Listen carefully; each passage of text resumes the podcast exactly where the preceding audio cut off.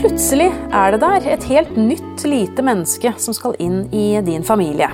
Det skapes en kontakt mellom dere som skal utvikles og vare livet ut. Velkommen til Babyverdens podkast. Jeg heter Karine Nøss Frafjord og er redaktør i Babyverden. Og jeg sitter nå på kontoret til psykolog Hedvig Montgomery, som har skrevet eh, boken 'Miraklenes tid'.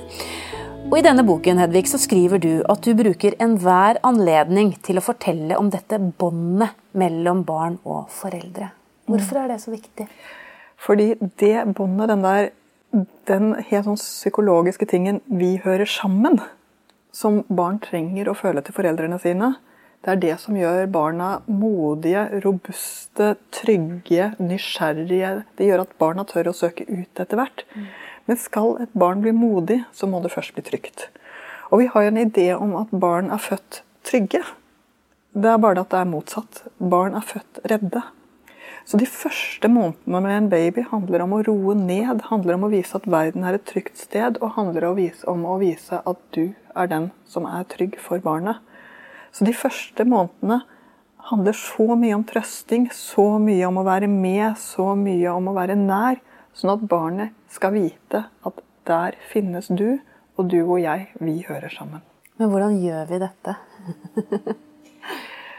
Eh, det høres vanskelig ut, men er faktisk veldig enkelt. Og det er to grunner til at det er enkelt. Det ene er at barnet har et program for dette. Det vil faktisk ha dette båndet. Og vi har et program for det. Vi har faktisk lyst til å gi det. Det båndet består av tre deler. Eh, den første delen det er å lage en trygg base, dvs. Si et sted hvor barnet kan komme når det trenger trøst. Så du skal vise barnet at du er en som trøster, og en som kan trøste. Så hver eneste gang du trøster ditt gråtende barn, så er du faktisk med på å bygge dette båndet. Så hver trøstesituasjon er egentlig dypt meningsfull for deg og for barnet, fordi det lager dette båndet. Og Det kan høres litt rart ut at jeg sier det sånn, for man blir jo så fortvilet. Gjør jeg noe galt når barnet mitt gråter? Men egentlig gjør du noe riktig, fordi det gir deg muligheten til å trøste. Mm. Så første delen av båndet er trøst. Men hvor mange holdt på å si, bånd skal lages? For det er jo en partner her. Gjerne en pappa eller en annen partner. Ja. Besteforeldre altså, er, det, er det plass til flere bånd og flere eh, tilknytningspersoner så tidlig? Så tidlig har vi nok egentlig bare de to. Ja. Eh, de to foreldrene. Men det er like viktig at den andre parten også gjør det? andre foreldrene gjør det, eller? Jeg må jo si at du har som kvinne en enorm fordel fordi du ammer. Ja. Eh, og man kan like det eller mislike det, men ammingen er en enorm fordel. Amming er på mange måter en alltid-ett-løsning. Eh, fordi det er kos, det er nærhet, eh, og det er trygghet, og det er mat på en og samme tid. Så jeg tror nok at jeg helt ærlig må si at du som kvinne har en fordel. Eh, de første månedene. Mm. Du har en forutsetning som er veldig god for å gi barnet denne opplevelsen av trygghet. Men pappaer skal ikke la seg skremme av det. Hold barnet, trøst barnet. Når barnet gråter, vær der for det. Ved å være til trøst for ditt barn, så er du med på å lage en trygghet for barnet ditt. Det er veldig fint. Så har man gjerne besteforeldre som sier at nei, la det gråte litt. Det må tåle å være litt robust. Eh, det kan bli litt for mye. Mm. Kan det det? Jeg skal gi dem et bitte lite poeng, eh, og det er at ikke vær redd for gråten. Gråt er barns måte å uttrykke seg på. Så det at den lille gråter litt eller knirker litt, er ingenting å bli redd for eller fortvilet over. Det er som det skal være. Så Du trenger ikke å storme til ved første lyd. Noen ganger så er det faktisk helt riktig at barnet bare våkner litt til og så roer seg ned igjen. Men barn skal ikke ligge og gråte og gråte. Det har de ikke godt av, det blir de ikke trygge av. Tvert imot, det blir de utrygge av. Og det verste er at den de blir utrygge på da, er faktisk deg. Så der har de helt feil. Og det er sant det at i gamle dager så hadde man en slags herdetenkning når det kom til babyer. At barnet trengte å herdes. I dag vet vi at det rent nevrologisk faktisk er motsatt. Trygge barn blir modigere.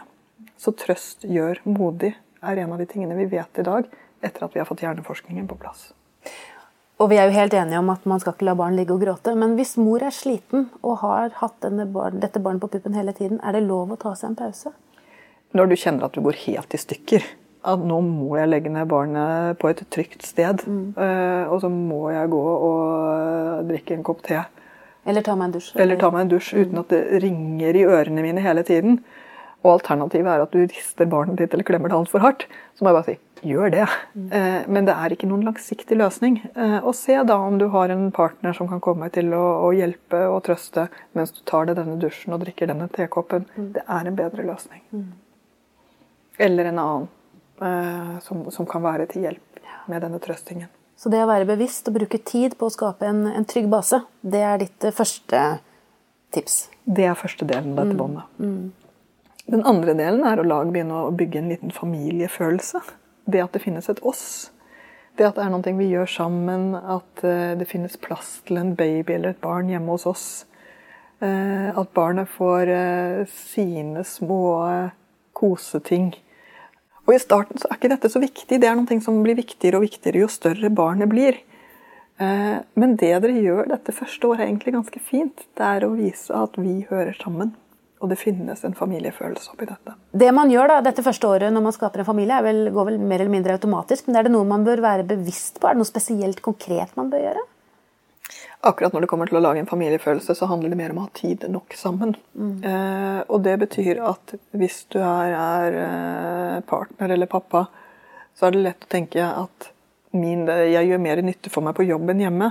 Men svaret på det er at du gjør mye nytte for deg hjemme.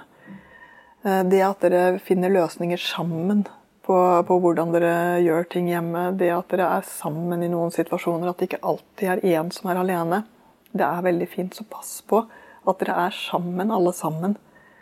Lite grann. Eh, gjerne hver dag, og i hvert fall hver uke. Når du har skrevet opp dette som et av de, en av de viktige stiene, da, det å skape og lage en liten familie, så tenker jeg jo egentlig at det er opplagt. Men er det en spesiell grunn til at du på en måte drar det fram som noe så viktig? For det er lett å glemme. Det er veldig lett å glemme at eh, vi er en liten familie. Og det er også veldig lett når man sitter der med baby og blir veldig kritisk til den man har fått barn med. Eh, vedkommende gjør allting feil. Eh, men ved å se at jo, men han eller hun har noe fint med seg, og det gjør at vi blir nettopp en familie, ikke bare meg og baby, det er faktisk noe å henge litt ved når man sitter der med babyen sin. For vi hører jo om historier hvor menn kan bli sjalu på barna. Absolutt. Eh, og det er ikke så rart heller, fordi babyer tar all den tiden de kan få. Eh, men igjen, vi er inne i en ny fase i familielivet. Dere har gått fra å være to til å bli tre. Ja. Men si litt om det å slippe til. Fordi eh, det kan jo handle om alt fra at far kler på barnet de gale klærne, til at eh, han ikke bader på den rette måten. Eh, Hvor mye skal man eh, gi rom da, for den andre? Eh, Det er ganske interessant, fordi her handler det om at foreldre trenger overhodet ikke å gjøre ting på samme måte. Barn blir ganske vant til at mamma og pappa gjør ting på, samme, på forskjellig vis veldig veldig tidlig. Men det de trenger, det er at foreldrene ser på hverandre på en støttende måte og med litt velvilje. Å ja, du syns det er greit at hun går med forskjellige sokker? Ok. Eh, eller ok. Eh, du glemte så mye når du gikk ut. Eh, du hadde ikke pakket bagen ordentlig. Det lærer du sikkert noe av til neste gang. Istedenfor å bruke det som en stor anledning til å kjefte på, på kjæresten din. Ok, Så gi hverandre litt rom og være litt raus, kanskje? Ja, rett og slett. Vi skal ta for oss den eh, tredje stien straks, men vi skal ta en aldri så liten pause først. Jeg sitter altså på kontoret til psykolog Hedvig Montgomery, og vi snakker om dette å bygge nærhet til barnet ditt, skape bånd mellom barn og foreldre. Og så har jo du sagt eh, allerede, Hedvig, at det er tre forskjellige stier til dette målet. Det første er å skape en trygg base, og så handler det om å lage en familie for det lille barnet. Men hva er det siste? Det siste er å skjønne at barn har følelser som er der av en grunn. Det hørtes vanskelig ut. Det er vanskelig. Når, fordi at et lite menneske, eh, selv en helt nyfødt, har veldig sterke følelser. Like sterke som det vi har. Men i motsetning til oss, så har de liten evne til å ta de følelsene ned selv. De trenger vår hjelp. Når de blir redde, så ser de på oss. Var situasjonen farlig, eller var den ikke farlig? De ser hvordan vi reagerer. Og når de blir redde, så blir de ikke noe tryggere av at vi sier 'det var ikke farlig'. Men de blir tryggere når vi sier 'ble du redd'? Jeg skjønner, men det er ikke farlig. Mm. Så for å vise barnet at dine følelser er ok, det går an å leve med dem, og jeg kan hjelpe deg med dem. Det er der dette her med emosjonell bekreftelse ligger. Og det viktigste nærmest trikset for å, for å få til det, det er å skjønne at barn gråter ikke for å være slemme mot deg. Eh, de er ikke uh, sutrete for å straffe deg. De er sutrete fordi de er litt slitne, rett og slett. Eh, så når de sitter med disse følelsene, så er din jobb som foreldre å være litt detektiv. Hva er det som skjer nå? Åh, oh, du er sliten, og derfor så blir det litt survete. Jeg vet. Men du, jeg skal bysse deg litt, så finner du roen etter hvert. Mm. Det er rett og slett å gå inn og møte barnets følelse og være til hjelp der, og bygge derfra. Men når man har hatt et barn og blitt kjent med barnets følelser, så får man kanskje et barn til. Mm -hmm. Så oppdager man at eh, dette kan være et helt annet barn med et helt annet følelsesspekter. Mm -hmm. For de er jo unike, disse. De er akkurat like forskjellige som oss voksne. Mm. Og jeg syns også det er ganske fascinerende, for man skulle jo tro at når man har født et barn, så blir neste omtrent likt. Men de aller fleste av oss har ikke den erfaringen de aller fleste av oss har en erfaring at der hvor kanskje det første er et litt forsiktig barn som bare bruker følelsene sine bitte litt, så kan neste barn bli et uh, barn som bruker hele gata av følelser og vakler fra kant til kant. Og som trenger veldig mye hjelp for ikke å dette i grøfta. Så det er, det er, veldig store individuelle forskjeller. Men det er nettopp derfor det er så fantastisk å være foreldre også. Du har muligheten til å gå inn og bli kjent med et nytt menneske fra første øyeblikk. Det er helt fantastisk. Ja. Du, nå sitter vi her, to voksne damer, og snakker om, eh, om hvordan uh, man skal skape bånd mellom barn og foreldre. og jeg innbiller meg at da vi var barn, så hadde ikke våre foreldre de samme tankene. Men det ble jo folk av oss også. Men jeg tenker Eller gjorde de ikke det? Jeg tenker, Hvor viktig er denne jeg tenker at det er den nye kunnskapen da, eh, som har kommet de siste tiårene? Jeg må for det første si jeg treffer jo mange som nå er på 50-60-årsalderen, og som har hatt et ganske dårlig forhold til sine egne foreldre hele livet. Mm. Eh, og det er nettopp fordi de ikke har hatt dette båndet. Ja. Så om det har gått bra? Ja, det har gått bra. Men jeg tror nok det hadde gått enda bedre hvis denne kunnskapen hadde kommet noen generasjoner før. Mm. Eh, kunnskapen om at barns hjerne trenger trygghet for å utvikles optimalt, er faktisk veldig viktig kunnskap den boka som våre foreldre leste, 'Dr. Spock', Ja, den snakker pappa om. ja, der står det faktisk at uh, når barn har fått mat og fått ren bleie, så er det bare å la dem ligge og skrike, for da er det ingenting. Mens det vi vet nå, det er at barn som ligger og gråter og gråter og gråter, og gråter, og gråter, og gråter, og gråter, de får ikke noen optimal utvikling. Mm. Det, det er en hemsko. Så at denne nye kunnskapen har kommet, og det har skjedd veldig mye på bare et par generasjoner her, mm. i synet på barn, i kunnskap om hjernens utvikling, og det er også det nye som har kommet innenfor mitt fagfelt. Da jeg tok studiene, så var kunnskapen stort sett basert på obduksjoner. Dvs. Si at man så på hjerner til døde mennesker. Og da fikk man jo ganske lite kunnskap om normal utvikling i en barnehjerne. Nå kan vi se ganske mye as we speak. Mm. Eh, som gjør at vi vet mye, mye mer om hvordan barn bør møtes og holdes. Men Betyr det at vi da oppdrar en ny generasjon med mer eh, avbalanserte eh, mennesker? Som går ut i verden på en helt annen måte enn det vi gjorde?